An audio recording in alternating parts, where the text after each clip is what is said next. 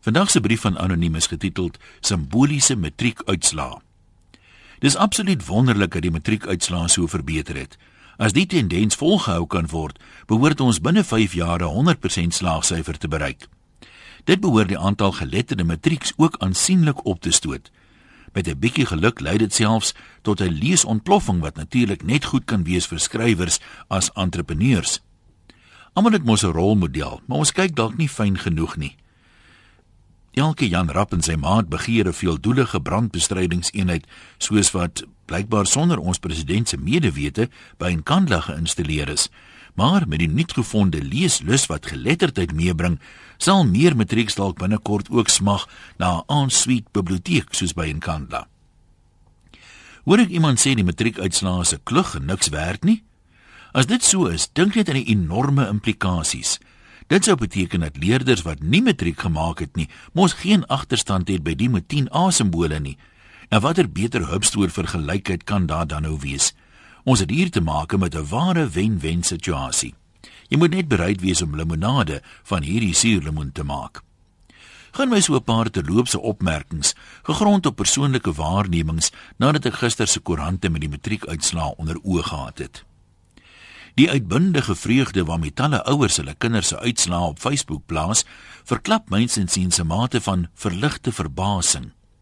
As jou kind hierdie jaar hard geleer het, behoort goeie uitslae mos die verwagte norm te wees.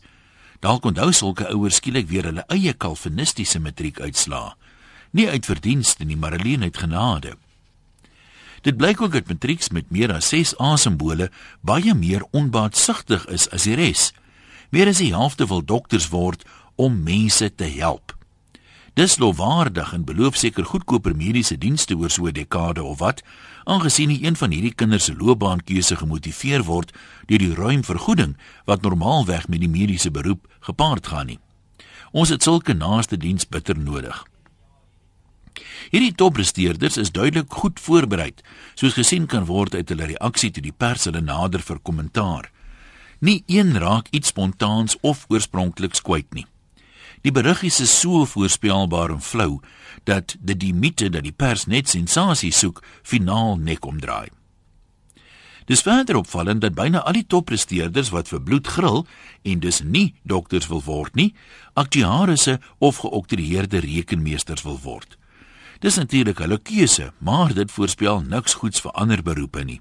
Skynbaar wil geen intelligente kind meer 'n onderwyser, 'n politikus of 'n joernalis word nie. Dit verklaar dalk ook hoekom my bankbestuurder nog nooit in staat was om my te verstaan nie. Dis ook opvallend hoe Christelik die toppresteerders is. Tog wil geen uitblinker 'n predikant word nie. As jy mens al die uitlatings moet glo, dan lyk dit of daar 'n duidelike verband bestaan tussen prestasie en geloof. Die ouens wat deur geskraap het of dit nie gemaak het nie, is dus in vir 'n moeilike tyd. Dis juis hulle wat die geloof in die toekoms gaan nodig hê om werk te kry. Kyk, die disippels was wel eenvoudige vissermanne, maar hulle het nie kwotas gehad nie en deesdae het jy mos 'n permit ook nog nodig. My hart gaan uit na die manne wat vol twyfel is en nie mooi weet watter kant toe nou nie. Mag julle leiding kry. Onthou, dis nie die einde van die wêreld sonder matriek nie. Jy kan selfs president word maar moet liewer nie daarop baag nie.